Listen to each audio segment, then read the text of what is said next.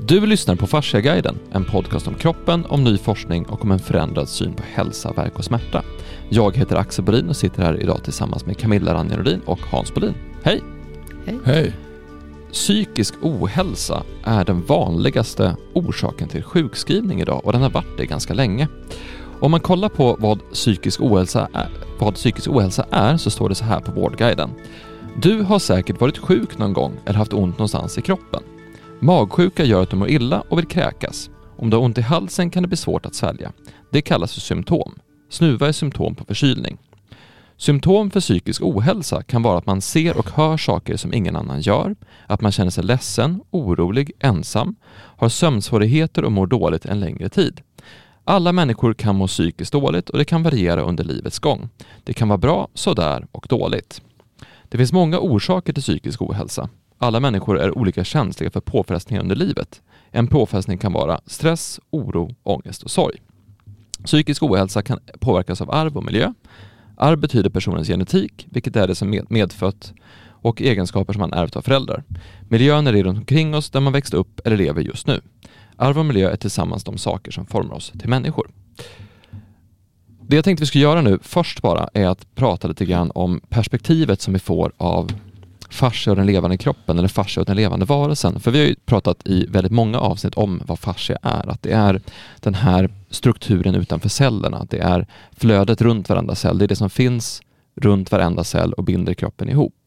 Det som är intressant med fascia och det som de senaste årens forskning visat är att fascia påverkas av otroligt mycket olika saker. När du tittar på fascia så kan du inte titta på kroppen som en del utan du måste se allting som helhet. Du kan inte titta på en händelse utan du måste titta på allt och det här blir en annan typ av utmaning.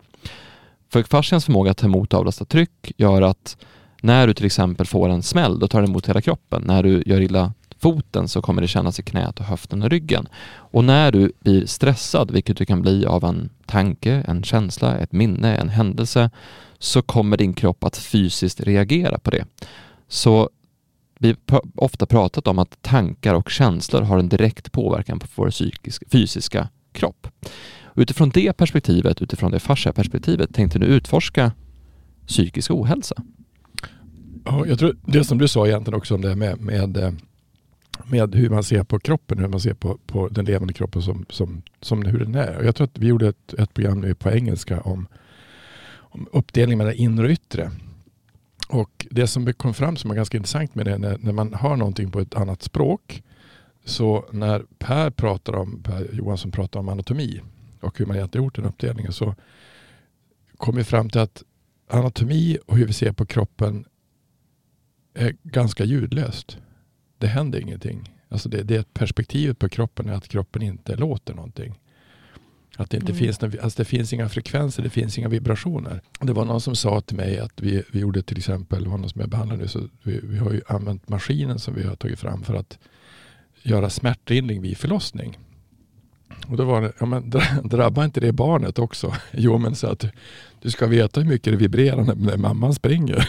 Alltså, det är fruktansvärt mycket ljud i kroppen. Utav, tänk dig att ligga som ett foster inne i kropp. Och bara höra alltså, musik. Eller när de pratar. Eller alltså, tänk dig när man, låg, när man ligger i badet och så la man sig under vattnet när man var liten. Ja, ja. Alltså- det, vad det lät. Ja, vad det lät. Ja. Så att, tror att det- som man inte förstår är att, att den levande kroppen den låter hela tiden och allting är frekvenser. Och det är det perspektivet som är så svårt att ta in. Och det var så tydligt när vi pratade om det inom ett anatomiskt perspektiv, skillnad på inre och yttre på engelska. Så att den är tyst, anatomin är tyst. Det finns inga frekvenser, det finns inga vibrationer. Fast det är bara, egentligen allt en bild. det är bara en bild. Ja. och därför blir det så intressant när man tittar på psykisk ohälsa. Ja men då säger jag, när du tog, när jag läste upp det här. Ja, men så att, ja jag, rätt, jag måste må rätt illa men framförallt ibland kan jag inte sova för att när man byter, så, nu har vi gjort sådana vad heter det, vad är det, sommar, det är vintertid. Alltså när, när, när de snor en timme eller man får en timme, det blir konstigt i kroppen. Mm. Alltså det är inte lätt att bara Nej. byta om så här. Och nu ska vi byta och så ska vi ta bort en timme och hit. Det är ju inget lätt. Och gör man det på barn, de är inte alls lätt för det. Alltså ändra. Och djur har inte lätt. De klarar inte heller av det. De får man hålla på att ställa om en kvart Är det så? En kvart i... Ja, en kvart Ja, därför att de, le, de, de vet ju inte vad tid är. Nej. Så det är också en sån här konstig, så att mycket av det där som man, man får tänka på det är att allting är dynamiskt, ekologiskt, levande och det rör sig hela tiden. Eller hur? Ja, och vi har i många avsnitt pratat om det här med vår, vår bild av kroppen. Att vi ser kroppen som ett, som ett objekt eller en maskin eller som någonting som inte är oss. Vi har ju svårt att se att vi är vår kropp eller att, eller att kroppen är den platsen där vi äger rum. Mm. Alltså vi har svårt att tänka på oss själva som en del av vår egen kropp.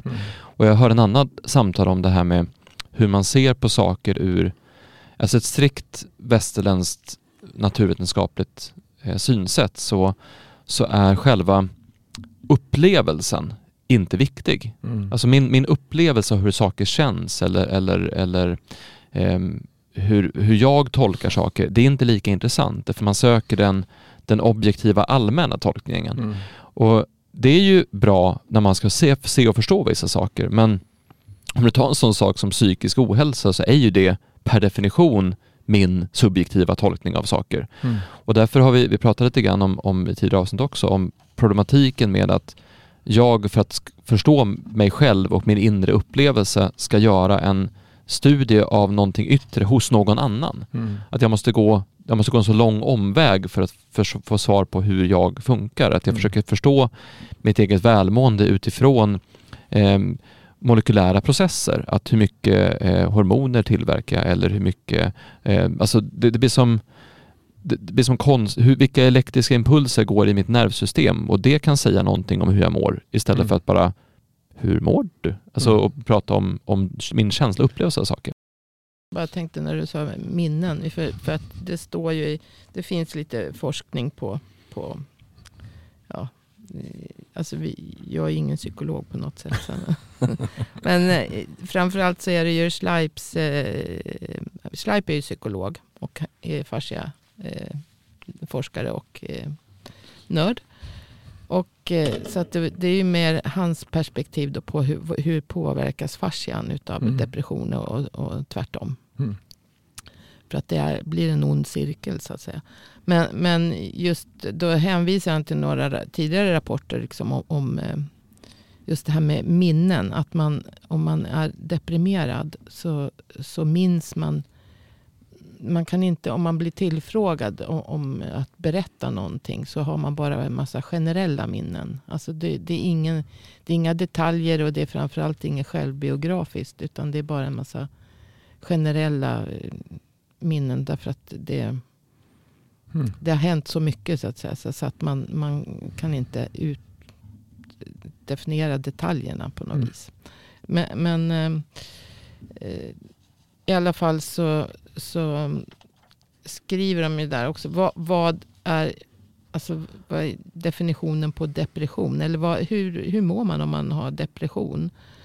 Och det, du sa ju en del där som står på Vårdguiden. var lite torftigt då. Men, men ehm, här, står det att man ihållande lågt eller deprimerat humör. Alltså att det håller i sig under längre tid. Och att man inte har något intresse för njutningsfulla aktiviteter eller social samvaro.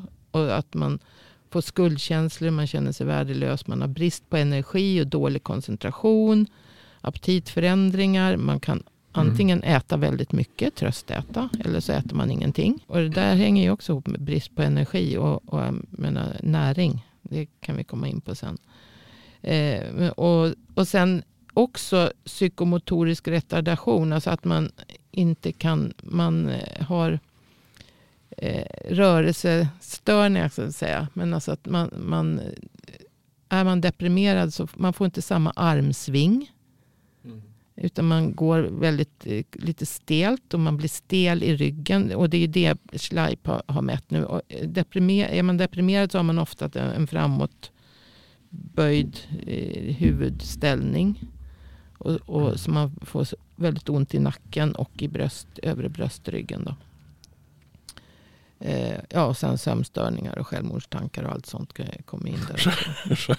Självmordstankar också. Ja, men det, ja, det ingår. Mm. Eh, så att Schleip har ju gjort undersökning då på, på eh, nu kommer jag inte ihåg vad det var, om det var 80, 80 eh, personer. Med, I alla fall så, som hade diagnosen ja, MDD, då, Major Depressive Disorder som Mm. man pratar om. Och sen och som var inlagda så att säga på, för, för Mm. det Mm. Och behandlades. Då. Så de var ju då, det sa han också var en, en brist, för de eh, är behandlade med medicin Mm. för eh, depression. Så att han, de vill ju fortsätta med den här forskningen för att se vad som händer om man inte äter de, eh, liksom antidepressiva Mm. mediciner och vad, som, och vad som händer i fascian. För nu har de undersökt den eh, fascian i nacke och övre bröstrygg och, och märkt då att de som är deprimerade de har mycket stelare nacke och bröstrygg Mm. jämfört med de som inte är deprimerade. Så det, det är liksom, men det kunde man ju nästan lista ut. Det, men han har, han har liksom visat det, att, att så är det. Mm. Men inte egentligen, de har ju inte undersökt vad är det som händer. Men det, Mm. det vill han ju också. Vad, vad är det som händer med hormoner och sådana saker. Men det finns ju alltså en, en tydligen eh, forskning på att deprimerade personer har högre utan har TGF-beta, alltså en cytokin Mm. som, som eh, signalerar till cellerna. Eh, eh, i. Och eh, den ska vara högre. Hos, och den, just den eh, eh, cytokinen, TGF-beta, är ju inblandad som eh, Schleip säger i att öka på myofibroblasternas sammandragande Mm. förmåga. Så att den, den liksom, där hänger det ihop. Så mycket. av den. Och det är ju liksom, men sen är det ju också biomekanisk påverkan. Och där menar jag liksom att just att man sitter, sitter så hopkurad eller går så hopkurad gör ju att det blir en ond cirkel, blir ännu mer påverkan som ger mer negativa tankar. För man har, det finns forskning på att bara att liksom ändra kroppsställningen på folk. Att såna, alltså man, om man reser upp, man har jämfört en, en grupp som man reser upp som sitter mer upprätt. Mm. Alltså med, med också in, eh, inlagda patienter. Och så har man rätat upp dem. Och sen är det en annan grupp som sitter mer ihop, sjunken. Och de som direkt, bara den lilla, att, att de får upprätta, får mycket, ett mycket bättre minne och ett, genast ett bättre humör. Alltså bättre affektiva egenskaper, eller fa- faktorer. Då, som bättre minne, bättre attityd och, och framförallt bättre humör. Jag, tror, jag tror det svåra egentligen som det är att vi har att ehm, vi har svårt att förstå att saker och ting som är i vår, alltså som är i oss, är i oss Mm. och det kommer synas. Mm. Det kommer synas vad det gjort för någonting. Det kommer synas i kroppen vad som är. Så att eh, eh, Nej men, nej, men Alltså, eh, alltså det, det, ja. det, alltså, du, du, kom, du kommer att se om, alltså om du, om du tar, som vi ko- Tom, det kommer ju många till oss som har problem med olika saker.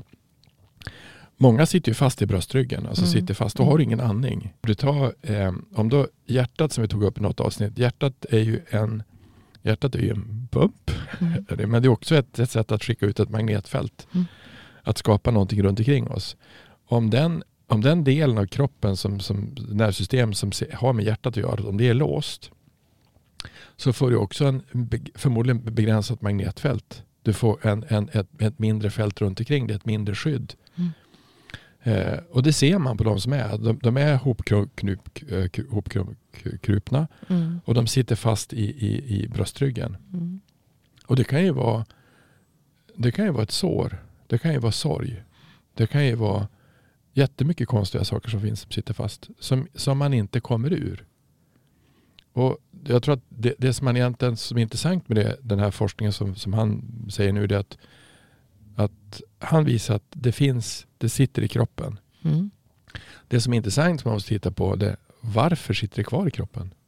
Vad är det som man råkar ut för? Mm. Vad är det för någonting som är? Vi har haft nu eh, eh, ja, vi har haft Iris i natt, eller igår. Alltså din dotter, hon är två år gammal. Visst är hon två och ett halvt? Hon är två. två. Hon är totalt öppen. Alltså det finns ju ingen, hon tar in allt. Alltså allting på en gång. Det finns ju ingenting, alltså totalt öppen. Och när förstår vi att vi inte kan vara totalt öppna? när vi gör det så gör vi någon typ av låsning. Om du, om du skulle säga till någon att den där, han såg, han såg konstig ut. Någon som går förbi på gatan. Eller är du, mår du dåligt idag? Eller, eller då ska de är du helt, helt från vettet? För det gör man ju inte. Eller hur? Mm. Alltså jag hade en lärare som gick på, han var eh, när jag gick på, i, jag tror att det var på grundskolan, han, han hade, jag tror jag berättade förut, han kom från Tyskland. Och där så i, jag tror han var från södra Tyskland, där kramas man. Alltså fort du träffar någon så kramas du. Så. Och så flyttar han upp till Umeå. Det är ju skitkallt. Det är ingen som kramas. De ser ut som, de kommer i skoteroveraller mitt på vintern och bara hejar på varandra så här. Och han, hade ju, han mådde illa. Mm. Han mådde fysiskt illa därför att han hade ingen beröring. Han ville egentligen krama varenda elev som kom in för att han skulle få något. Men då blir det ju så det är så olika. Mm. Det är så kul för vi hade, eh, vi har en godnattsaga som jag fick av min farmor för när jag var sex år gammal som jag nu läser för min dotter. Och eh, då är det olika typ bibelberättelser som är då lite fint illustrerade och lite sådär mm. så. Trevligt. Och hon älskar den här boken. Det är jättekul sådär. Och det är historien om den barmhärtige samariten. Mm. Men och då är det en man då som, som eh, är ute och reser och sen så blir han nedslagen av tre rövare ja. och så sen så eh, en biskop och en domare som går förbi i den här sagan då. och sen så kommer en, en, en utlänning. Står det. det står så här, en utlänning, han har inga vänner här men han, men han stannar, främlingen stannar och hjälper till. Det är också en bra eh, döm inte hunden efter håren historia så. Men för henne så är det så kul för då är det mannen har ont och det var så, då, då, hon förstod att man kunde ha ont. Mm. Och att man kunde, så att hon började prata om mannen som hade ont hela tiden. Alltså det var liksom, även när vi inte läste sagan så var det mannen och mannen har ont. Och så var vi tvungna att visa, men han, han blev ju glad sen. Alltså han fick ju hjälp och kom till sig, han mådde ju bra sen. Och han är glad innan, och sen är han glad sen. Mm. Men då bläddrade hon till sidan ont och så pekade hon på ont. Men då i alla fall så, så fick hon lära sig att, att har man ont, då eh, blåser man och man klappar klappar och man kramar. Mm. För det gör den här främlingen då som mm. kommer. Han, han, eller främlingen blåser och klappar inte, men främlingen tar hand om och eh, främlingens åsna eh, pussar på mannen då. Eh, så att nu så om någon är ledsen, mm. då säger så här, eh, men mamma är ledsen. Då kommer han fram och så sen kramar mamma, mm. klappar mamma. Mm. Är, är det bättre nu? Blåsa? Är det bättre nu? Mm. Är det bättre nu? Mm. Mamma glad? Ja. Så, så nu, det är så intressant hur den ehm, hur det kommer in att när man är ledsen då, då ska man eh, klappa och man ska mm. krama och man ska blåsa och man ska liksom beröra på det sättet. Men jag, jag, tror att för att koppla tillbaka till, till farsor och levande kroppen. Jag tycker det är ett kul exempel på vad man, alltså vad man egentligen behöver, apropå det här med att man behöver kramar, apropå mm. det här med att man, är man totalt nära så, så är det ju det man gör när någon mår dåligt. Man, mm. man klappar, man kramar och man, man pussar och man blåser. Men det som jag tror vi har svårt att det som vi har svårt att ta in, eller svårt att förstå när det kommer till förståelsen av kroppen, förståelsen av oss själva är flöden, riktningar, skeenden, spiraler, konsekvenser. Alltså vad som händer i när man går åt ett visst håll. Vi har pratat förut om att, att, att ur den, den levande kroppens perspektiv så påverkas vi av allting som finns runt omkring oss och allting som vi gör. Så att vi, vi blir vad vi gör, alltså rent faktiskt blir vi vad vi gör. Så att om vi sitter till exempel, då kommer vår kropp att anpassa sig efter att sitta. Om vi går runt med en dålig hållning, då kommer kroppen anpassa sig efter det. Om vi, om vi gör armhävningar så kommer kroppen anpassa sig efter det. Men på samma sätt så styrs vi av, av vad vi äter, blir de faktiska beståndsdelarna som är i vår kropp. Och vi har pratat om om tarmfloran och hur bakterier i magen kan syra vårt beteende beroende på vad vi också ätit. Så det finns en dubbel aspekt där. Det är inte bara beståndsdelen i kroppen utan det kan också påverka eh, impulser och beteenden och den biten.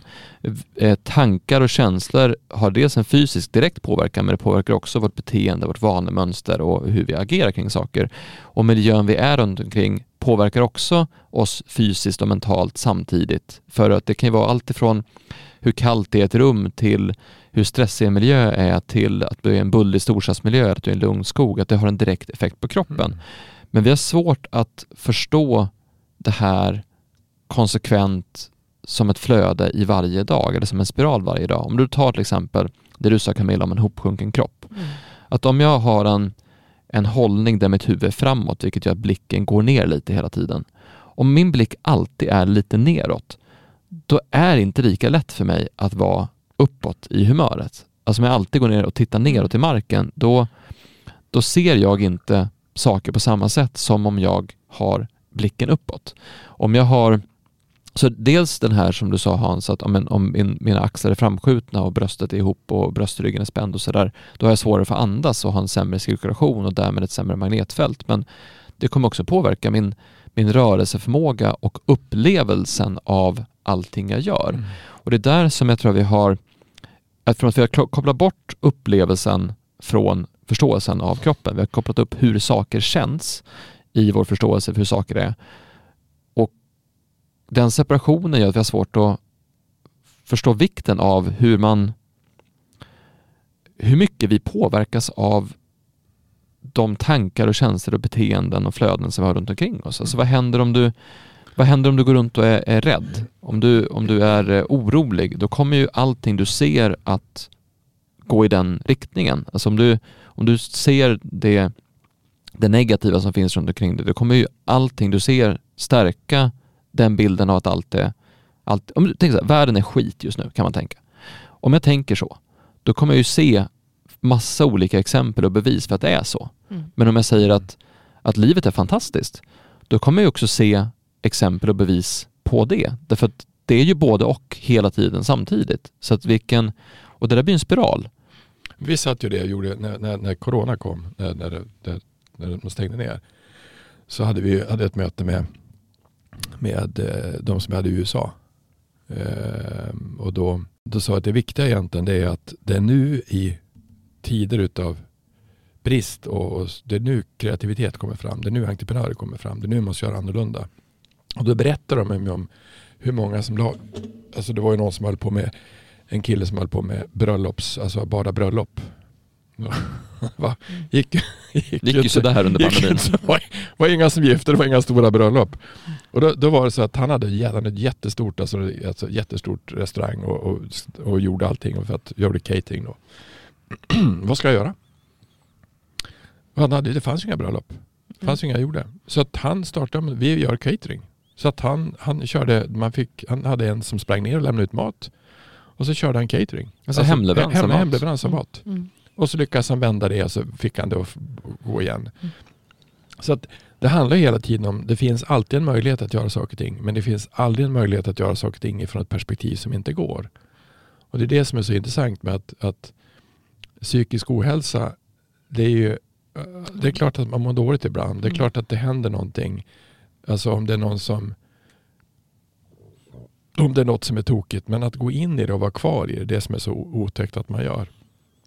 Nej, men det, gäller att förstå att det är en, en, en spiral, att det är ett flöde. För det som, det som då händer i kroppen när det blir så här, om det blir våra, om det blir våra tankar och känslor, ja men då kommer eller vi, vi, har pratat tidigare om vad det är som får dig att känna dig levande, vad det, får, vad det är som stimulerar liv och flöde. Och den typen av, av spiral stimulerar ju inte liv och flöde. Och det stimulerar inte liv och flöde i att jag liksom börjar tänka på ett annat sätt eller ha de här, den här negativa loopen och allt vad som finns runt omkring. Men det kommer ju ha samma effekt på kroppen. Så det, det, det som Schleip har visat i, i sina studier där är ju att sambandet är så tydligt mellan den negativa tankeprocessen, den psykiska ohälsan och stopp i flödet. Mm. Och stopp i flödet och de spänningar och förtätningar som det leder till runt om i kroppen, det blir i sig en spiral. Och vi pratade framförallt i avsnitt 78 om, om spiralen, eller det negativa flödet från att det blir stopp någonstans till att det blir mer stopp och sen mer stopp och sen mer stopp. För att om du väl börjar tappa flödet och du börjar få förtätningar och de här börjar göra att du får rörelseinskränkningar, då är det svårare att röra sig och så när man får sömnproblem så är det svårare att sova. Och när du inte sover då läker du inte på samma sätt och när du utsätts för mycket stress så är det svårare att komma ner i lugnet. Och, och så äter du inte. Och så äter du inte på samma sätt. Eller så äter du skitmat. För att det ger snabba kickar och så sen så liksom, så kanske du dricker mycket eller så mm. kanske du tar eh, andra eh, centralstimuli för att, för att mm. eh, få någonting kul i alla fall. Och det här blir som en, den här spiralen neråt gör ju, ju mer neråt i spiralen man går, desto svårare blir det att bryta den. Mm. Och ju mer påverkar det kroppen, ja, ju, ju, mer, ju mer spänd och ju, ju sämre ska, mår du i kroppen. Om du skulle ta, vi säger att du har ett djur som mm. är, mm. vi säger att du har för tidigt en varp som är född, eller något annat som, är, som har hänt, någonting som har hänt. Vad gör man då? Då ser man till att varpen har mycket näring. eller djuret. Mm. Man, man sköter om djuret, man klappar djuret, man ser att det finns näring och närhet och så. Visst gör man så? Så för djur gör vi det. Mm. Men människor så ska vi ge dem Djur, djuren, om, inte, alltså om vi säger vilda djur, har ju sällan, de har ju inte den här långvariga stressen på det. Det jag tror inte det existerar psykisk ohälsa där. Eh, Men, men de har de, ja, där, alltså våra tamdjur, därför de utsätter vi för konstant stress. ja. Eh, många, på många olika sätt. Mm. Så de, kan, eh, de får ju liksom en, en konstant stress. Vilket påverkar kroppen på alla negativa sätt. Med hormoner och stresshormoner och, och så. Så att där, de får ju, kan ju få spänningar i kroppen på grund av stressen. Mm. Men jag tror inte att ett vilt djur får det. det ja. och, och vi sätter ju också ihop flockar i, i, hos, om vi tänker våra tamdjur. Så, Mm. som kanske inte då är Optimala. helt optimal. Och så blir det någon som... som alltså det existerar ju mobbing och, och utstötning där också. De måste ju också utsättas för mer långvarig stress. Så, Mm. säga, om man nu ska, så det är väl en typ av psykisk ohälsa hos tamdjuren. Men jag tror inte det existerar. För de Mm. vilda djur är ju mer liksom... Nu flyr jag. Och sen när jag väl har flytt då är det lugnt igen. Mm. Men där blir ju så omgivningen så tagen. central. För att om du tar om du tar ett Mm. vilt djur som lever i en, i en vild natur så Mm. är det ju så mycket runt omkring dig som påminner dig om att eh, liv och död sker hela tiden. Alltså naturen är ju ganska skoningslös eller obrydd eller alltså saker lever och dör hela tiden. Det är inte Mm. samma typ Mm. av, av eh, moral kring det eller samma typ av idé kring det. Men om du lever i, alltså miljön du lever i tror jag är väldigt viktig för olika typer av, av saker. Vi säger så här att jag, ja, men jag har ju en tvååring hemma och en hund. Och båda de kräver, eh, eller inte kräver, det gör de inte, men de mår bättre av att jag är intensiv och flamsig. Alltså om jag, om jag går all in i mina lekar med dem, alltså om jag verkligen sitter på golvet och verkligen med hela kroppen leker med min hund och min dotter och är, liksom närvarande så, så mår de bättre. Mm. Det gör ju att jag är i den situationen mer ofta och för att jag är i den situationen mer ofta så har jag lättare för att vara i den. Mm. Om du aldrig är flamsig, då är det ganska svårt att ta steget till att bli flamsig. Men om du är flamsig varje dag så är det lättare att vara flamsig mer ofta. Om du eh, skrattar mycket så är det lättare att skratta mycket varje dag. Men om du sällan skrattar så är det svårt att börja skratta. Jag var på stand-up igår och man ser ju hur vissa har svårt för att skratta. Och då kan det behövas en det kan behövas någonting som verkligen skakar om, alltså någonting som verkligen bryter det här mönstret. Mm. Ehm, då var jag på en, en stand-up för några år sedan som var en det var som en flodvåg, att det gick inte att hålla emot. Att även om du försökte att inte skratta så gick det inte att inte skratta utan alla var tvungna att skratta till slut för det var, han var så duktig på att få den effekten. Det var som att han, om man tänker att eh, eh skrattet i det här fallet är som en attack. Alltså det, jag ska få det att skratta och så försvarar man sig mot det där skrattet. Då kom man med tillslag i magen un, på undersidan och tog man emot den och parerade den, då kom den till från andra sidan. Så att vad som än vad man än gjorde så var man till slut utlämnad åt det här brutala eh, skrattet. Och det skrattet kan ju bli så otroligt eh, rensande. På samma sätt så kan, ju, kan det bli att du, om du aldrig gråter så kan det vara värt att, att, att utsättas för någonting som verkligen får dig att, att verkligen börja gråta och släppa ut allting. För när du väl har gjort det så är det lättare att, att skratta igen.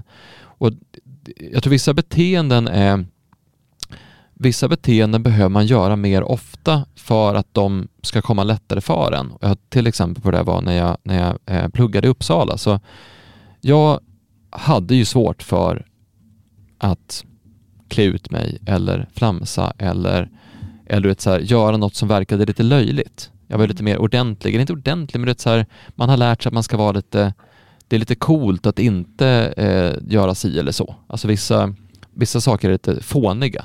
Så Mm. bara, det där gör man inte för det är inte riktigt, det är bara de där andra som gör det. Och så var jag i en, en valsituation här att antingen så stannar jag hemma eller så tar jag på mig en kycklingdräkt och går ut på en liksom, det var, för det var det som fanns som utstyrs. Man var tvungen att klä ut sig och det som fanns var en kycklingdräkt. ska jag ta på mig kycklingdräkten eller inte? Och så sen då tog jag på mig kycklingdräkten och gick all in för det. Och då, då var det som att någonting släpptes, eh, släpptes lös inom mig, att jag kunde eh, var tjog, kimmig, skränig, fånig, alltså hela den biten. Och när man väl hade gjort det en gång så var det väldigt lätt att göra det igen. Och då var det lätt att uppmana andra att göra det och det var ganska befriande att ha en kycklingdräkt och dansa och vara fånig och skröna som man, som man gör i de här insparksevenemangen i, i studentstäder. Och, och då var det visst, då såg man utanpå vissa som tyckte att det här var fånigt att hålla på med. Men det är det med att det kan, för när vi pratar om en sån sak som psykisk ohälsa så har vi en, vi måste förstå att det här är en, det är en tuff spiral att bryta. För det kan vara en spiral som har pågått i väldigt, väldigt många år och den är både eh, fysisk och psykisk samtidigt. Den är både kroppslig och sinnlig samtidigt. Så att det kan behövas någonting som, som kickar igång eller kickar igång systemet. Och där har vi också pratat mycket om det här med vad som händer när du går på en behandling alltså och verkligen får, får fart på kroppen. Att ibland kan det behövas en, en trigger i att du får känna någonting annat eller uppleva någonting annat. Att du får uppleva en total avslappning eller du får uppleva en, en kontakt med, med kroppen på ett annat sätt. Du får uppleva hur det känns när det flödar. Och, och där måste du ha varit med om många gånger Hans, att, att någon har kommit in men sen har de blivit berörda och då har det liksom då har det skickat en signal om att det kan vara på ett annat sätt. Mm. För hur bryter tror, man det? Jag tror, att, jag tror att det är så att det man måste förstå det är att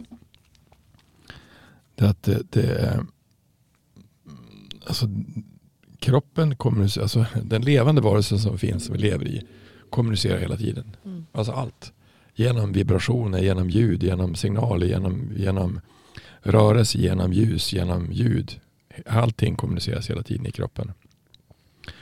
Och det är en levande varelse och det, det dör celler hela tiden. Autofagos, visst heter det så? Eller hur? De dör hela tiden och de föds hela tiden. Apoptos. Apoptos. Dör, dör hela tiden. Eh, det som egentligen det som är intressant är att när du får någonting som är, när det går emot dig själv tillräckligt länge, alltså det som egentligen är livet, då kommer kroppen att skrika. Så att kroppen kommunicerar hela tiden med oss, vad vi ska göra för någonting.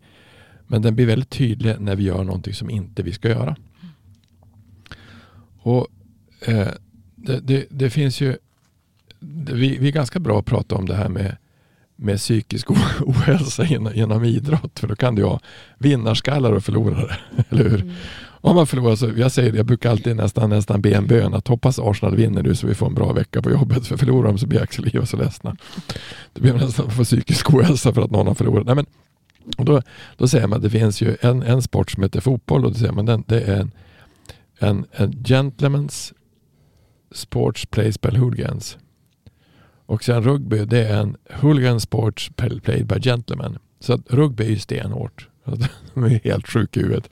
De springer på varandra, de, slå, de brottas ju, de slåss ju och allting sådär. Och jag har behandlat en del rugbyspelare och de är ju, alltså vad håller på med? De är 45 år och så spelar de fortfarande rugby. Ja men det är så jävla roligt. Vadå? Ja men vi träffs ju efteråt i baren. så tänk, alltså, då sitter man och pratar med, så att de är kompisar efteråt. Mm. Alltså det häftigaste med rugby är att man träffas alltid efteråt och, och tar en drink i puben. Vad som, hur gick laget? Alltså, det gör alla. Mm. Så att där är man, man är schysst med varandra. Det är ganska, men det är en extremt brutal sport. Och då, blir det, då finns det inga hard feelings. Det finns ju ingenting som är efteråt. Och egentligen kanske livet är så. Man är med en massa saker och ting men måste hela tiden förlåta sig själv. Alltså se på, på, se på den andra sidan. Det svåra tror jag egentligen det är att när man kommer in i, i sådana här saker som, är, som man inte lätt låter gå, alltså man är kvar i det. Då kan det bli, ja, det, det, det, alltså oftast är det så att det drabbar ju eh, det drabbar det som är det som är mest känsligt, det vill säga bröstkorgen, hjärtat, där vi ska ta in saker och ting. Eller där man känner saker och ting. För att om ni tänker på att det kändes inte bra över magen eller jag fick tryck över bröstet. Nej men precis, det är känslor som... som eller hur? Ofta, om, om, och det är ju så. Så att är du deprimerad så ja. känns det inte bra i magen och tryck över bröstet. Nej. För du har stängt av någonting. Det är någonting som du har valt att ta bort. Hela kroppen kan kännas liksom avstängd. Avstängd. Ja. Och- Eller tom. Eller tom. Och, och, och, jag, eller, och du hade någon som, det, och, och då, då blir det ju då blir det, jag hade nå- någon, alltså jag har haft flera stycken som har kommit, så har det hänt något när de var liten, när de var små. Mm. Alltså skilsmässa eller separation, något annat konstigt som har hänt. Och så har man valt att ta part i de vuxnas relation. Det är synd om pappa. Det är synd om mamma. Så att då kan man alltså hamna in, i, en, i, en, i en känsla av sorg och separation som inte är min. Men jag har tagit på mig den för det var så otäckt. Eller om du säger att jag, eller om du säger att jag har några andra som jag behandlar som har gått på, som har gått på psykofarmaka. Som har varit med om att de är extremt känsliga. Alltså extremt känsliga. Men ska vara i en värld där du egentligen ska vara kall och analytisk. Som jag är otroligt känslo, känslomänniska ska jag vara i en värld där allting är, du får inte visa någonting. Nej. Vilket är i vissa fall. För i vissa fall om du tänkte att om du visar din svaghet, då är det där och hugger. Eller hur? Och det kan vara till och med i samma bolag. Så att fast vi är i samma bolag så kan vi konkurrera om platser som finns. Så vi- samma flock det samma sam- familj. sam- alltså, det är- Så familjen har konkurrens i sig själv. Så jag Mm. tänkte det var konstigt när jag var på men vi har ju affärsidé, strategi och mål. Då gör vi dem. Men sen upptäckte jag att alla hade ju inte det. Utan de har egna affärsidé, strategi och mål i samma flock, i samma företag. Så man konkurrerar och hugger med varann.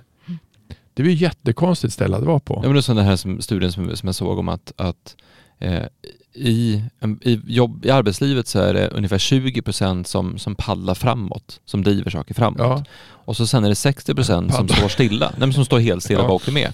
Men sen är det 20% som paddlar bakåt, alltså medvetet förstör ja. för att de har någon form av idé om att de ska göra det. Och det blir rätt tufft för de där 20 som, som drar ska man- Ja, framåt. just det.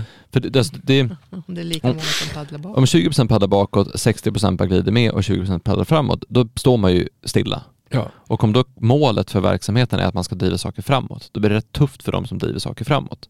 Och det, det är ju intressant att vi kan ha interna stridigheter i samma gäng och det är inte konstigt att det blir stressfullt. Men, men det är som du sa, det är ju samma sak om någon är väldigt glad eller är väldigt fysisk, alltså Mm. fysisk i, i gester och ehm, ehm, alltså, vi säger att du är en väldigt glad energisk person och Mm. du har mycket den, den här fysiska gladheten i din energi och din rörelse. Eh, det är ju väldigt många som kollar snett på det. Mm. Varför är hon så glad för? Ja. Och jag, jag har ju en, men, någon som jag känner som verkligen är sån som Ja. person. Och hon har ju hela livet fått höra att, ja men varför är du så glad för? Hon Ja. har ju nästan, nästan känt sig påhoppad för att hon är glad. Mm. Och det är ju inte, alltså hur, hur kul är det att vara glad och så får man skit för det hela tiden. Men visst har, visst har man mätt, man har mätt hur mycket barn ler på ett dygn. Hela tiden. Alltså små barn. Du vet jag inte. Jag tror att ja, det, det, är, men det är hur många, jag tror det är inte- 250 gånger per dygn. Och, de, och ändå ska man veta att småbarn gråter ju, tycker man. Ja, det- Och sover. Men de Gråter och sen är det bra. ja, de, de gråter och sover och ler. Mm. Men de ler mer än de gråter och sover. Mm.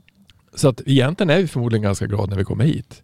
Ja, och alla Och- och känner sig på utsidan Ja. hos barn, vilket är också intressant. Så det svåra egentligen, så jag tror det är svårt. Det, jag, hade ju, jag träffade en, en. Ja. jag träffade en psykolog nu som, eller som jag var som, Mm. som på behandling. Hon- kom på, på en film som vi hade för, för ett år sedan. Och då sa jag att det var det två, när vi hade premiärfilmen på Söder, då var det två stycken så att alla känslor finns i kroppen. Mm. Och det vet vi, sa de, från psykologer. Mm. Och sen så då hade en, hon då träffade en, de stod och berättade om det här. Och så, de hade varit, hon hade jobbat på ett, ett, ett bolag i, hon jobbar ganska mycket i företagshälsovård, men hon hade jobbat på ett bolag i Norge.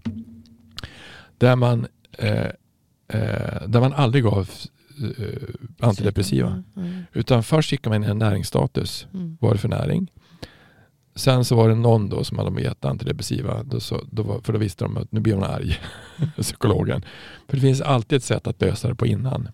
För att det du egentligen gör, om du ger någon näring, magnesium, C-vitamin, zink, Ja, B, Jod. B-komplex, eller B3 fram, men, Ja, jod. Mm. Selen. Selen. Mm. då händer det ju saker i kroppen. Och det, det är Men där det är som jag klart, tänkte, har- har du näringsbrist så fungerar inte mitokondrierna. Då kommer Nej. vi tillbaka till det. Alltså, då- och då eh, tappar vi energi. Ja, Det, det, vi är totalt energilösa. Och blir vi energilösa, vad, vad händer då? Det är ju ett av Ja, då blir vi tecknen zombier. på Då blir vi de- zombier. Depression är ju Ja. energilöshet. Ja, för där var ju i avsnitt 52 så pratade vi om, om mitokondriell dysfunktion och andra nya trender inom, inom eh, läkarvetenskapen. Jag tänkte det kan vara bra att, att ta in det i termer av psykisk ohälsa för det, det, det som är intressant med det sättet att se på det, det är att problemet sitter inte där utan problemet är, det är inte lokalt utan det är globalt. Det är inte på ett sätt utan det är överallt. Och det som är intressant med fascia som perspektiv är att det är inte det är inte knät utan det är hela kroppen samtidigt. Det är inte magen, det är hela kroppen samtidigt för allting påverkar allting och allting påverkas av allt runt omkring oss också. Och med mitokondriell, mitokondriell dysfunktion så är det just den här helhetsförståelsen kring vad som är. Men du kan väl kort repetera för de som Men inte ta, minns men eller ta, hört det. Vad är säg, det? säg då först då som, som det är, du vet, du är ju husdjursagronom från början. Och hur länge har man tillsatt näring i jorden? Ja, Och gett näring till jorden, näring till, till djuren. djuren. Eh, Jo, men det, det, Det- det är jag vet inte hur länge men, men jag eh, gick ju på 80-talet, började, tidigt 80-tal, tog jag examen 85. Så att eh, då, och 70-talet gav man näring till djur. Man, ja. Så Och man, då, alltså, alltså man räknar foderstater, man är väldigt noggrann med att, att de får i sig alla mineraler och mikromineraler. mm. Alltså makromineraler och, och vitaminer. Så in, det är inte, när man tänker näring till djur så är det inte bara energi och protein. utan Och, och ett djur kan vara väl i hull och väldigt fin i hullet Ja. men ha näringsbrist. Brist. Det är ju det som är... Eh, eh, så att det, och de- de kan ha energi men ha proteinbrist. Men de kan Mm. ha, ha tillräckligt med energi men ha eh, magnesiumbrist, eh, kalciumbrist eller eh, vi- olika vitaminbrister, selenbrist, sådana saker. Men Så vad ger man, ma- till- vad ger man, mars, vad ger man marsvin? C-vitamin. men det är ju för att de inte kan, eh, bland annat C-vitamin, men för att de inte kan eh, producera eget C-vitamin. Kan vi precis, göra det? pre- Precis som vi. Vi kan inte vi kan inte producera eget C-vitamin. mycket, mycket Och C-vitamin är ju också en, ett vitamin som är väldigt, väldigt viktigt just vid stress. mm. Så att, eh, alltså, som är väldigt viktigt. Eftersom de flesta djur, då, bortsett från apsläkten, Mm. primaterna som vi hör till, eh, några fladdermöss och så marsvin. De kan inte bilda eget C-vitamin. Mhm. Och, och, eh, men de flesta djur, andra som kan det, de ökar ju sin C-vitaminproduktion när de blir stressade. Mm. Och vi, är vi då stressade så måste vi alltså ha en, en, få i oss mer C-vitamin. Och så om man nu blir deprimerad så man slutar äta. Eller framförallt, det är lika illa att börja tröstäta. För Mm. vad tröst, du tröstäter inte paprika. Nej, så, Alltså Eller du- spenat. Eh, nej, precis. Utan du tröstäter socker, ja. socker, socker. Och, och socker konkurrerar med C-vitamin. Ja. Det har samma transportkedja in i cellerna. Mm. Så äter du mycket socker så får du, även om du äter C-vitamin, även om du äter tillskott, Mm. tar du samtidigt som du dricker, sväljer ner det med läsk, så kommer du inte få tillgodo den där C-vitaminet. Mm.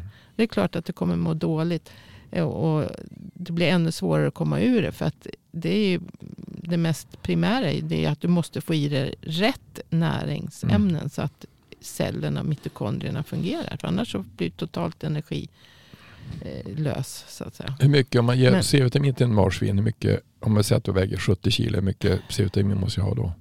Ja, om du tar samma dos som marsvin.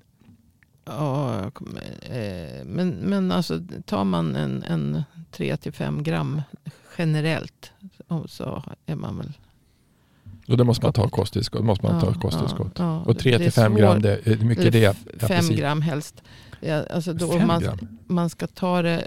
Eh, nej, inte om du ska jämföra med marsvin. Jag kommer inte ihåg vad man ger marsvin. Eh, det, Jag tror du sagt ungefär 3 gram. ja.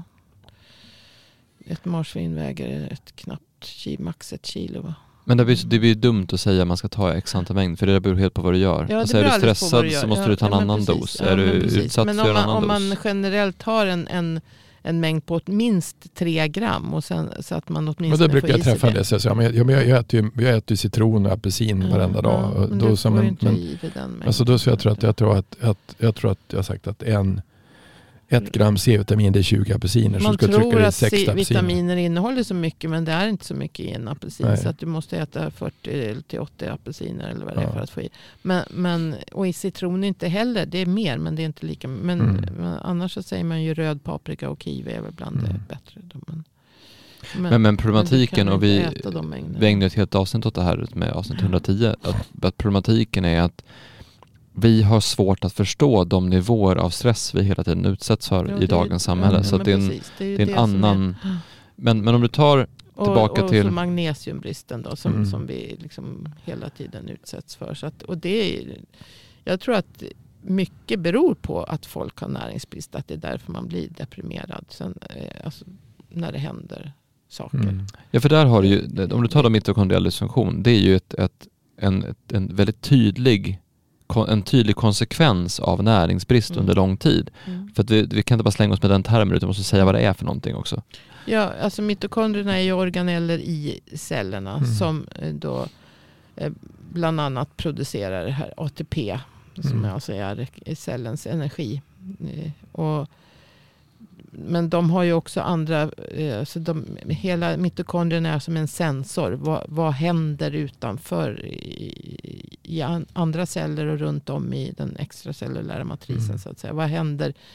Ja, de är sensorer som, som känner av och, och hela tiden signalerar, hjälper till att signalera till kroppen. Och de styr också eh, det här som vi pratar om, autofagi och apoptos. Mm. Så att Mm. liksom, vilka celler ska vi eh, ta död på nu? Vilka, vil- vilka är dysfunktionella och Mm. vilka celler ska repareras? Och det, det, hela den, så mitokondrien är livsviktig såklart. Mm. Alltså för, och fungerar inte. Och de här mitokondrierna har så en, en massa eh, och- där, där pågår ju det här c- citronsyracykel, eller vad heter det? Eh, elektronkedjetransporten och allt sånt där.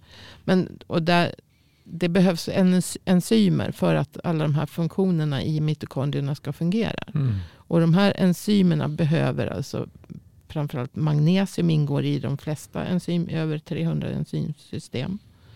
Och, så att det ingår ju, näring behövs för att mitokondrierna ska fungera. Mm. Och det intressanta med den här spiralen blir ju att både C-vitamin och magnesium förbrukas mer vid stress. Ja. Så ju mer stressad du är desto mindre har du av det här. Mycket som förbrukas, men, men framför, det går åt enorma mängder av både C-vitamin och magnesium eh, just vid, vid stress. Men jag tror att det, det slog mig när vi pratade förut om att man vi har blivit så bra på att dela upp kroppen i olika bitar och dela upp olika kroppsliga funktioner i olika delar och, och vi sitter på allting egentligen separerat. Vi har ju yrkesgrupper som är specialiserade på olika delar av kroppen. Att Mm. har du problem med, med tankar och känslor, ja då går du till en psykolog. Har du problem med kroppen, går du till en läkare. Har du problem. Alltså det, det, vi går som till olika platser för olika typer av, Mm. av hjälp och behov. Mm. Och det får oss att tänka på det sättet. Så att om jag tänker så här, har du, har du psykisk ohälsa, ja då ska du tänka dig frisk. Mm. Har du en, eh, någon typ av obalans i kroppen, ja då ska du ha någon kemiskt preparat som ska göra dig frisk. Mm. Aha, har du en skada någonstans i kroppen, ja då ska du operera för att bli frisk. Mm. Och, vi, och då gör man bara det. Men, men det är som att vi har tänkt att ja, men problemet är där, då löser vi det på det Men sättet. det, Men som, det- är, det, det, som är, det som är intressant med tankar, för det var samma sak som jag fick reflektion när vi pratade om det med, med anatomi, alltså hur kroppen egentligen är. Tankar är tysta fast levande. Så att, att tankar är flyktiga. Du kan aldrig studera en tanke förrän du säger den. Du kan aldrig studera en tanke förrän du skriver ner den. Så därför är det viktigt att notera vilka tankar man har. Alltså, om vi säger att vi, vi, har ju, vi, vi har ju en del människor som jobbar med oss och säger det går inget bra för mig. Nej. Det är tufft nu. Ja. Jag får för lite kunder nu. Ja. Det går inget bra det här. Det är fel på oss. Det är fel på systemet. Det är fel på konceptet. Det, det svåra egentligen med det, det är att så länge den personen har den tanken om sin egen verksamhet, om sig själv som person, så blir det svårt. Det blir jättesvårt. Men om du, skri, om, du, om du tar upp de där tankarna som finns, vad är det för någonting som, vad är det för någonting egentligen? Vad är det för någonting som far runt? Jag sa ju det med, med min pappas bästa kompis dog ju. Och, då, och då han var ledsen över det. Eh, och han, han borde inte ha dött. Och så säger jag, men du, skriv ner då. Ja, jag tyckte att han skulle inte ha dött. Ja, hur mår du då? Ja, jag, jag, jag tycker jag, jag sörjer han ju. Ja, men eh, han dog ju. Ja. Menar att han inte skulle, menar, att, menar, du menar att han skulle ha dött? Alltså han inte skulle ha dött? Ja men han dog ju. Alltså du kan ju antingen bråka med verkligheten, alltså han dog ju. Så att, och när, när man skriver upp saker och ting, han borde inte ha dött för tidigt. Som han gjorde den här kompisen då. Ja, är du säker på att den tanken är sann? Ja, den är sann. Men det finns ju en sak som är sant, att någon dog. Och den andra saken som är sant, att han inte dog. Och det, alltså, han dog ju. Så att så fort vi bråkar med verkligheten, vi bråkar med saker och ting, då blir det konstigt i kroppen. Därför att kroppen föds och dör hela tiden. Det svåra egentligen är att hur ska man kunna hur ska man kunna titta på de här tankarna? Jag är för svag. Eh, jag duger inte som jag är. Ehm, det går aldrig, aldrig gått bra för mig. Eller något, något annat som finns. För allt, all den här, den här psykiska ohälsan som finns, det är ju tankar. Och det är tankar och saker som finns i kroppen. Och hur blir jag av med dem? Och det som är intressant när man tar som den här, en som jag hade nu som hade råkat ut för det här med, med alltså, man råkar ut för någonting när man är liten som man inte tycker är roligt. Alltså som, om, om mina föräldrar skulle ha separerat när jag var liten, det hade inte varit roligt. Men det kanske var andra saker som man fick vara med när var liten som inte heller var roliga.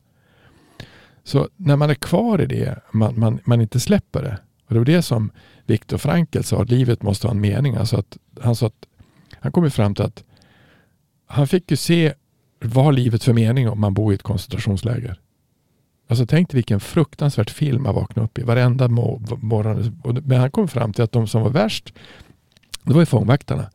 Det var ju värst hur vi egentligen behandlade oss själva, alltså hur, hur, hur de som var behandlade varandra. För det var ju fångar som behandlade varandra värre än tyskarna gjorde. Men det han kom fram till att de ska aldrig få bestämma över mitt inre liv. Alltså det yttre kan jag titta på, det inre ska de inte få. Och de som gjorde det överlevde ju. Och den är ganska, just den boken är ganska intressant att titta på. Men hur, hur tänker vi egentligen och vem bestämmer hur vi tänker? Och skriver vi inte upp tankarna som finns, alltså titta på dem eller prata om dem. Jag är klar med att, att jag är klar med, med eh, att vara förvirrad. Jag är klar med att sörja att min mamma och pappa skilde sig. Jag är klar med att, att vara okänslig. Alltså man, när man säger dem och får reda på dem med, då blir kroppen, inte, blir kroppen glad. Därför att andra, de andra tankarna som får runt, det är som nästan vålnader som man inte ens vet vad det är för någonting, fast de är verkliga. Alltså alla tankar är verkliga. Ja, man pratar om inre demoner. Ja, men de är jätteverkliga. Men, men det, det är först när vi... Eh, alltså det kan ju vara, det kan ju vara som någon har sagt till någon flicka någon gång att du är ingen vacker. Du ser inget bra ut. Eller, eller någon som sagt till att det går för lätt för dig. Och så sen så tror man att då har man tagit på sig det. En liten sårbar människa som tagit på sig det. Och så tror man att ja, men så är det, det är nog så. Att Framförallt om det kommer som en kommentar från den, någon man älskar. Ja. Um, nej men det var så, också så här, jag hörde om, om um, ja, men stand-upen igår så handlade om humor och så sen så sa han så här, ja vi får nog på ett eller annat sätt vårt sinne för humor från våra föräldrar. Och då berättade han att ja, men min mamma hon var så brittisk eh, arbetarklass och det var liksom ganska hård eh, sådär. Och hon hade ett jättekonstigt sätt att liksom att prata om saker till kring. För då då när hon skulle varna för saker så drog hon liksom, hon hittade på så konstiga exempel och det här har verkligen format mig så jag har en jättekonstig humor på grund av det här. Och då tog jag en exempel att, ja men det var en eh, han hade varit ute och lekt i parken och så var det en pedofil lös, liksom. ja. som, så som det var på den. Så. Aha, och så skulle då mamman varna för pedofilen. Men hon kunde liksom inte förklara vad en pedofil var för honom för han var sju. Och hon kunde inte heller förklara att det finns en man här som erbjuder dig godis och valpar, för då hade han sagt så här, godis och valpar, kanon! Och så hade han liksom gått in i, i den här offentliga toaletten och sådär. Eh, så att ha, då sa hon istället, och det här är alltså det första hon kom, kom att tänka på som förklaring. Det finns en man som går runt som klipper av snoppen på små pojkar vilken jävla sak att säga till en sjuåring. Alltså, han var ju livrädd och var helt skräckslagen en vecka. Det funkade ju för han höll sig undan från den biten. Men, men förstå Han är liksom, undan från alla karlar. ja, men alltså, förstå sätta den, den bilden i Det huvudet på en finns, män, det sjuåring. finns män som klipper bort snoppen. Han går runt och klipper av snopparna på små pojkar. Alltså det är ju så här, det är ju så här wow. Och då menar att och det där har format, eh, för att han, den här komikern Ricky Gervais då, har en ganska sjuk humor. Alltså han har mycket så här konstiga exempel och går oftast över linjen och liksom, och sådär. Och, och så, så där kan det bli när du sätter den typen av idéer i, Ja. i folks eh, kroppar. Men, ehm, men vi, vi, har, vi har pratat om det här i, i tidigare avsnitt också, vad som händer om om vissa idéer fastnar för länge Mm. eh, och hur det här också formar beteende och hur man tar emot saker. Men, men sen den här aspekten i, jag vet att vi, något av oss hade en lång utläggning om det här så jag kan ta det lite kortare nu, men det intressanta med oss är ju att vi är helt olika. Mm. Så att till exempel vad som kan, vad som kan få mig stressad jämfört med vad som får dig stressad och dig stressad är olika saker. Alltså vi, vi kan påverkas helt olika av exakt samma situation. Mm. Men det intressanta med människor som har varit med om någonting, alltså folk som har varit med om ett, någonting traumatiskt eller någonting hemskt, Mm. det är att för vissa människor har det här blivit ett hemskt eh, trauma eller mantra som Mm. fortfarande pågår och som någonstans är kvar. För andra människor så är det här vändpunkten eller superstyrkan eller det de varit med om som har fått dem att se saker på ett annat sätt. Eller, alltså vi, det, vi kan ju se människor som är Mm. Ehm, trygga, säkra eller framgångsrika eller ehm, ehm, sådana här som, ja, men personer som någonstans man, man eh, inte ser upp till, men, men häftiga personer. Mm. Och många av dem har ju någonting gemensamt i att de har varit med om någonting väldigt hemskt som de sen har Vänt på. vänt på och gått vidare kring. Och jag har ju träffat extremt många personer som just har varit med om att de har haft, eh, alltså har haft extremt ont eller varit eh, utförsäkrade eller varit i, eh, alltså det har liksom varit ingen återvändo eller allt har varit, eh, alltså det, det har varit skit helt enkelt. Mm. Och sen har de till slut hittat en lösning och en hjälp. Och den, den, att de gjorde det har vänt deras liv och sen har de bestämt sig för att dedikera sina liv åt att, att hjälpa andra. Mm. Och det är sådana som, som och de flesta jag har jobbat väldigt mycket med terapeuter, alltså Mm. kanske pratat med tusen terapeuter. Och de flesta terapeuter har någon, sån, någon typ av sån berättelse. Mm. Att jag hade ont och det var hopplöst och sen så fick jag hjälp och nu vill jag hjälpa andra. Mm.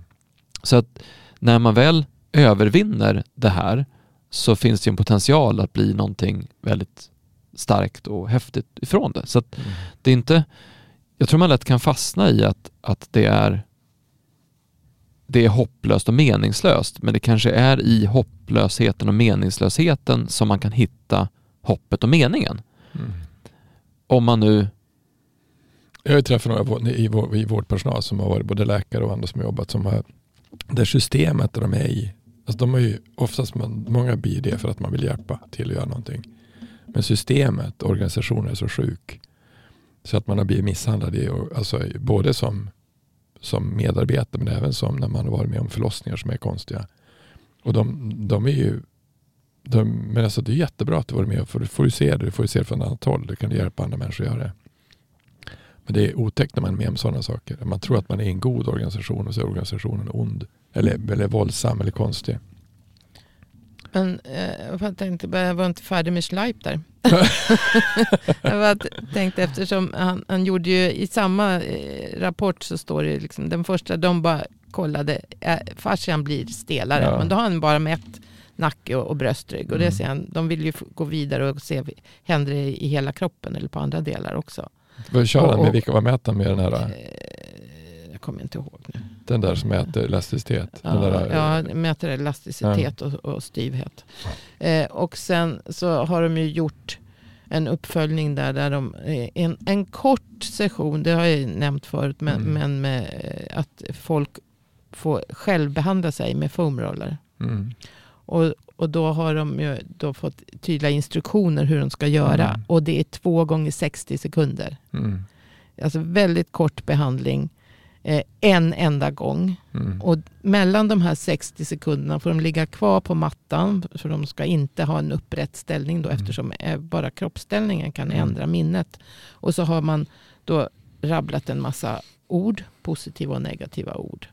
Och, och sen efteråt så har man förhört liksom, den här gruppen som har fått den här korta form, eller självbehandlat sig Mm. får ett mycket mer, minns färre negativa ord och tenderar att komma ihåg mer Mer positiva, positiva. ord. Medan kontrollgruppen då som inte har fått någon behandling, de har fått lega på rollen men de har inte fått röra den. Mm. Men på samma sätt bara för att det ska vara riktigt. Ja. Då. Ja. Knäppskalle. Ja, knäppskalle. men, men i alla fall så, så de har alltså haft eh, helt selektivt bara det, fortfarande det här eh, negativa minnena. De, de liksom får, minns bara de negativa orden. Mm. Och, och det är ju så man gör. Man får ett selektivt negativt minne. Att man Mm. minns alla dåliga saker. Mm. Men däremot icke deprimerade människor minns mer positiva saker. Mm. Av, av liksom, om man skulle göra ett sånt test. Då, då. Mm. Så att bara den här en, lilla korta behandlingen gör alltså att, att du, och de fick också ett bättre, ett mer positivt humör. Alltså på Mm. den lilla korta tiden. Så han vill ju, de vill ju fortsätta, för Stecco är med det här också tror jag. De vill ju fortsätta att göra fler eh, undersökningar så att säga. Vad händer om man eh, fortsätter att behandla under lång tid? Därför att det här blir ju bara en kort, kort förändring i, i, i flödet Mm. just den här korta behandlingen. Det påverkar ju inte. Han har ju gjort andra studier där han visar att det tar ju månader att ändra liksom strukturen i fascian. Mm. Som man har gjort ihop med. Men det, det är så spännande för vi, vi har ju pratat om, eh, dels pratar vi om i 112 om, om Pollack Ja. och vattnets fjärde fas Mm. och hur vatten strukturerar sig i förhållande till trauman. Och vi pratade om det i 108 också tror jag Mm. och även i avsnitt 66 handlar också om det här. Mm. Eh, och nu senast pratade vi om i avsnitt 122 om oxytocin. Mm.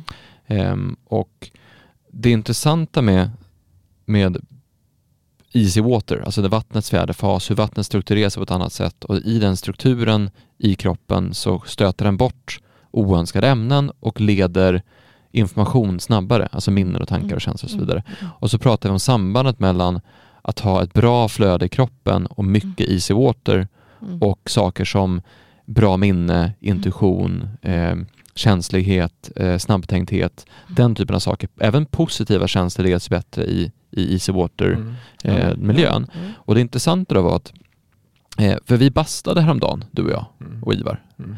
Och då efter den bastukvällen så kom jag hem och då upptäckte jag att ett av mina favoritprogram eh, hade en ny premiär. Så jag var jätteglad. Det var På spåret. Tycker jag är kul. Mm.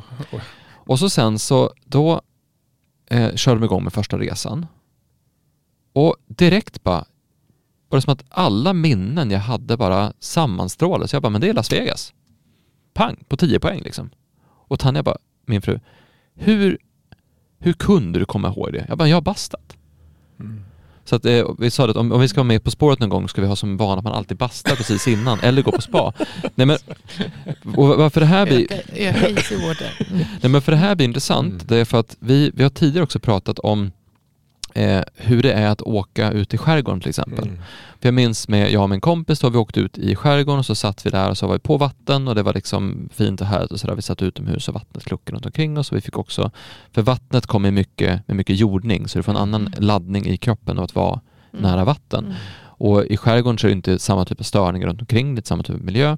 Och vi pratade om hur alla våra problem och alla världens problem kändes mycket mindre, Mindre. och kändes mindre påfrestande bara av att vi var i den miljön. Mm. Och då tänker jag på, vi har ju en låt som är i mitt huvud hela tiden nu, för nu, nu, är, det, nu är det Frozen som gäller och det är Elsa som gäller. Ja, så det är Let it go. Så att jag lyssnar på Let it go-låten kanske alltså, tio gånger per dag. Och när jag inte lyssnar på den så sjunger jag på den. För det är så här, Varför ska du lyssna på den? men min dotter. Ja, så hon kör den? Igen, igen, igen. Så det är liksom, de, de, har, ju- de har ju perioder, Eh, Frozen-perioden. Ja. Men då, då är det för, för då kan man ju texten utan till också. Mm. Och då är det en mening som är eh, It's funny how some distance can, seem, can make everything seem small. Mm. Och det är intressant det där med, för när man, när man har, man är i en, i en rutt, man är på en riktning, man är Mm. på en väg, man är i en spiral. det är väldigt svårt att förändra den från den positionen. Mm. Alltså det är väldigt svårt att tänka annorlunda i den miljö man är i. Mm. Men byter man miljö, är man någon annanstans, då Mm. kan man se saker på ett annat sätt. Som vi hade till exempel att vi, vi skulle diskutera eh, våran framtid Mm. fem år framåt. Mm. Det är jättesvårt att bara ta ett rum här i, på platsen där vi bedriver all verksamhet hela tiden och prata om fem år fram i tiden. För då är det någon som har det där med sig, och så tänker man på det, så kommer någon att knacka på det, så ser man någon, eller intrycken runt omkring är så mycket i här och nu, är det den, den rutt vi är på, att det är svårt att gå ifrån den. Men om vi istället då som vi gjorde, vi åker på ett spa Mm. och så är vi på Yasuragi och så sen så simmar vi runt och så sen så känner vi på sådär och så är vi totalt, då är vi totalt avslappnade. Vi har skapat mycket eh, mer oxytocin, bättre oxytocinnivåer. Vi har mer easy water i kroppen. Vi har en annan, eh, vi har ett annat flöde, ett annat lugn. Vagustonen är på ett helt annat sätt. Från, det, från det, den utgångspunkten är det mycket lättare att prata om visioner, drömmar, tankar, förändring, vem man vill vara om fem år. Det är lättare att släppa de här, de här pockande sakerna som kommer hela tiden. Så att jag tror att ska man, ska man bryta en, för om, om man ser psykisk ohälsa som en trend, att det här är en, en spiral, en riktning, någonting som är en, en, ett, det ett flöde. blir en ond, ond spiral i och med att det är själv... då kanske man måste bryta den genom att göra precis alltså, Men det- men någonting du, helt du kan, annat. Du kan göra det där, det som jag, du, du, det som du kan ju, det kanske man skulle träna mer på. Vilket är ditt inre rum som är, var, var, var du bör gå någonstans för att få lugn och ro? Mm. Alltså var blir lugn? Så du kan ju åka båt utan att åka båt. Ja, det är det som är meditation. Alltså, du det- kan ju minnas men, den. det behöver- Ja, men, det alltså det behöver inte vara meditation heller. Du kan bara gå i, du, alltså man kan göra saker jättekomplicerat eller kan man göra så jätteenkelt. Mm. Och det är jätteenkelt att vi kan göra saker skitkomplicerat eller gör vi saker skitenkelt. Och enkelt är att lägga sig på bryggan i stugan. Enkelt är att åka båt. Enkelt är att sätta sig på Yasuragi. Alltså man, man kan fysiskt sett göra det. Vill man göra en annan manifestation som man, och det finns ju eh, ifrån Alltså, alltså, sätter du på ett högt berg och ser saker och ting så ser du saker annorlunda. Mm. Så ska du göra saker som visions framåt, göra saker ska du vara, vara högt uppe. Mm. Du, du, du gör inte drömmar ner i en gruva. det är jättelätt att vara kreativ när man åker flygplan. Ja, ja exakt. Eller du sätter det bara högt upp. Mm. Så att det, det gäller att titta på, det jag tror att det var, det har jag berättat i andra program, det var en kille som kom till mig som hade som kom ifrån ett sån där, eh, ja, något, någon, någon läkarcentral någonstans som jag tog tag i. Och han var jättestressad. När blir det lugn? sa jag. Var blir det lugn någonstans? Ja, det var inget svårt för honom att hitta var han var lugn någonstans. Så det gäller att hitta. Jag sa till en kvinna jag hade idag, att, eller nyss. Så att om du kommer, hon hade ett ganska stressat jobb och det hon var, hon sa att det är lågkonjunktur nu. Det är inte så lätt längre. Nej, men så att om du råkar ut för, du kommer göra det idag, säkert. Om du sätter och tittar på det, hon hade en bild över som gjorde henne lycklig. När du, du, du, du kan göra det nu, ja. Om du kommer i situation idag så du behöver hitta lugn igen. Varför kan du inte titta på den här bilden igen? Jo, det kan jag göra. Bra, då vet du. För då kan du, då kan du vara främjad. Alltså, man sätter upp en... Är skyddad eller? Ja, du, är skydd, du är skyddad i din egen inre bild som är, som är ljus och fin. Och möter du något som är konflikt då, då kan du sätta dig i den här bubblan och sitta där och titta på dem. För då, kom, då är det ungefär som han gjorde Viktor Frankl i Livet måste ha mening. Han hittade ett inre lugn fast det var jätterörigt utanför. Mm.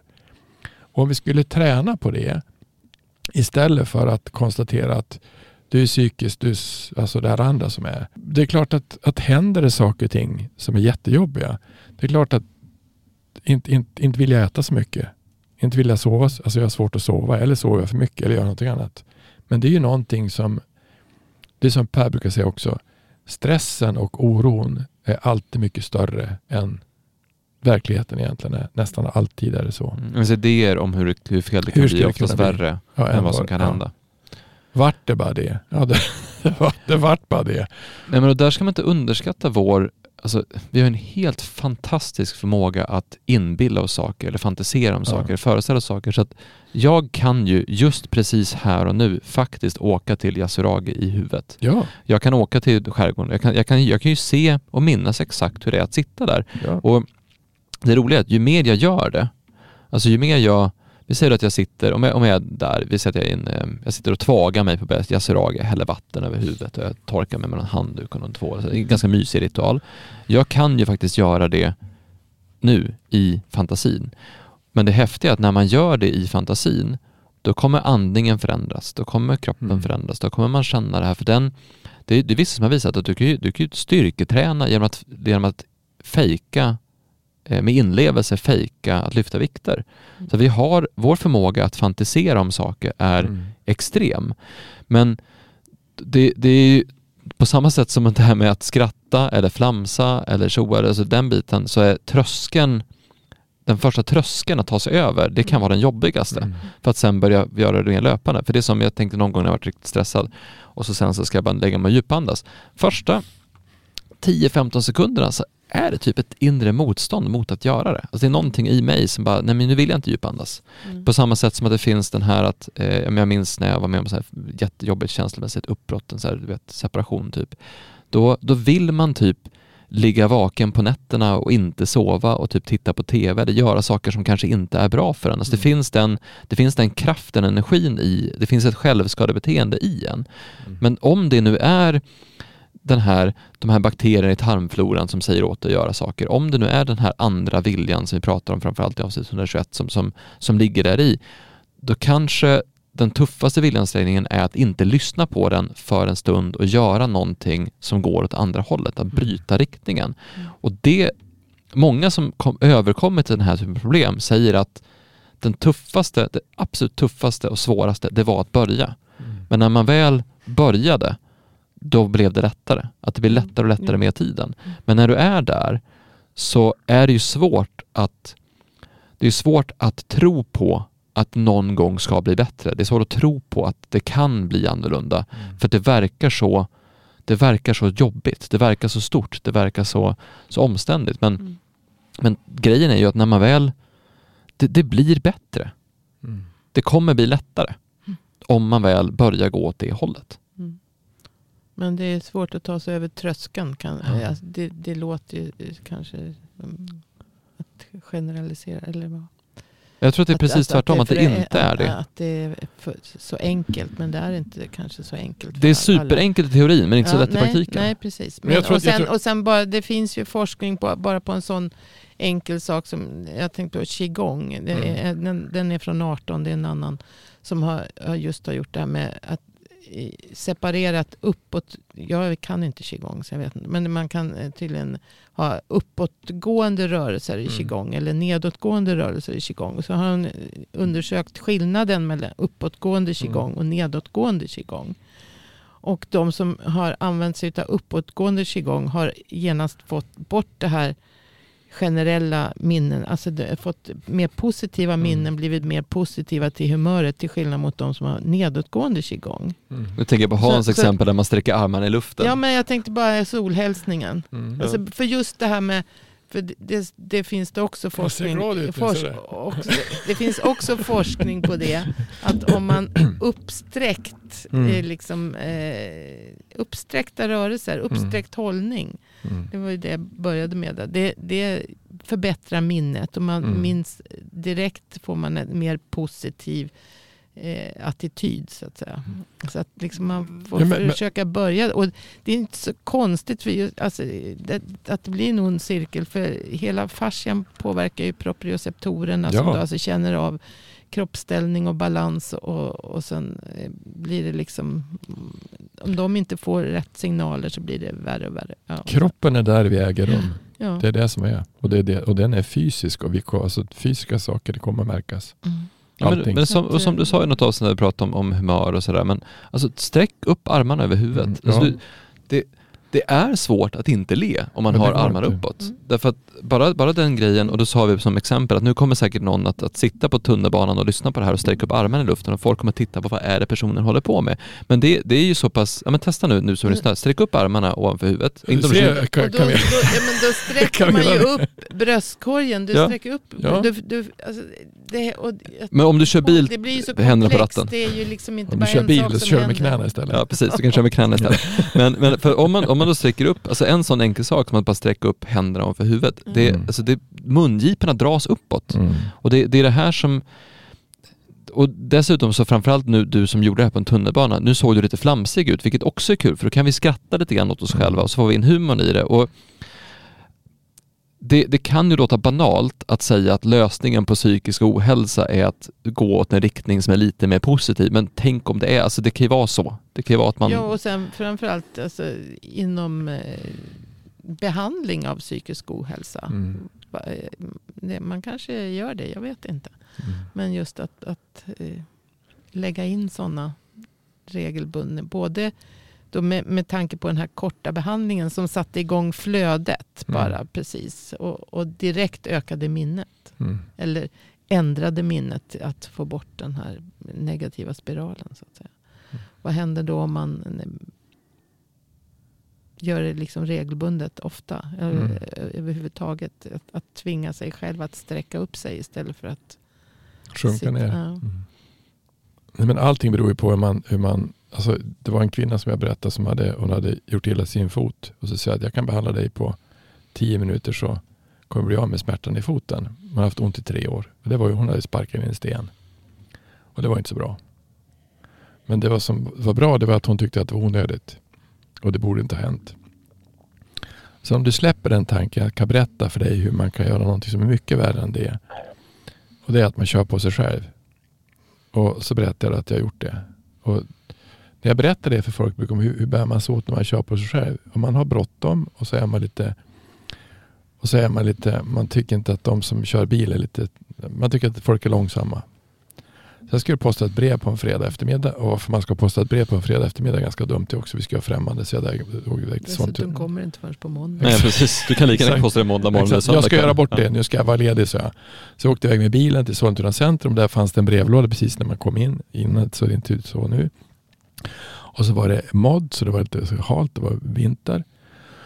Och sen så då står en kvinna ska parkera bilen. står en kvinna som skulle kö- köra ut bilen. Men hon, hon du vet ibland så hittar de inte gaspedalen. De hittar inte, de hittar inte backen. Och det tog, det Mm. tog Det kan tid. mörkt och... Ja, det, Jag vet inte vad hon håller på med. Så jag tänkte att innan hon har kört ut så hinner jag säkert springa ut.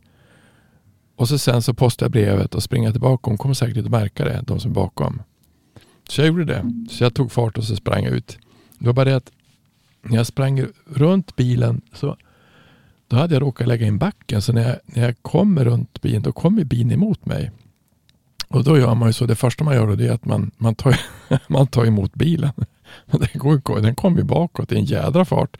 Så jag fastnade, körde på mig själv, så jag fastnade i en annan bil med knät och det gjorde ont så in i vansinnet. Så jag tänkte, jag, jag dör ju nu. Alltså. Jag tänkte, och nu blir jag invalid och nu kommer det hända saker och ting. Och så satt jag fast så bilen står dung, dung, dung, dung, dung, dung mot den andra bilen.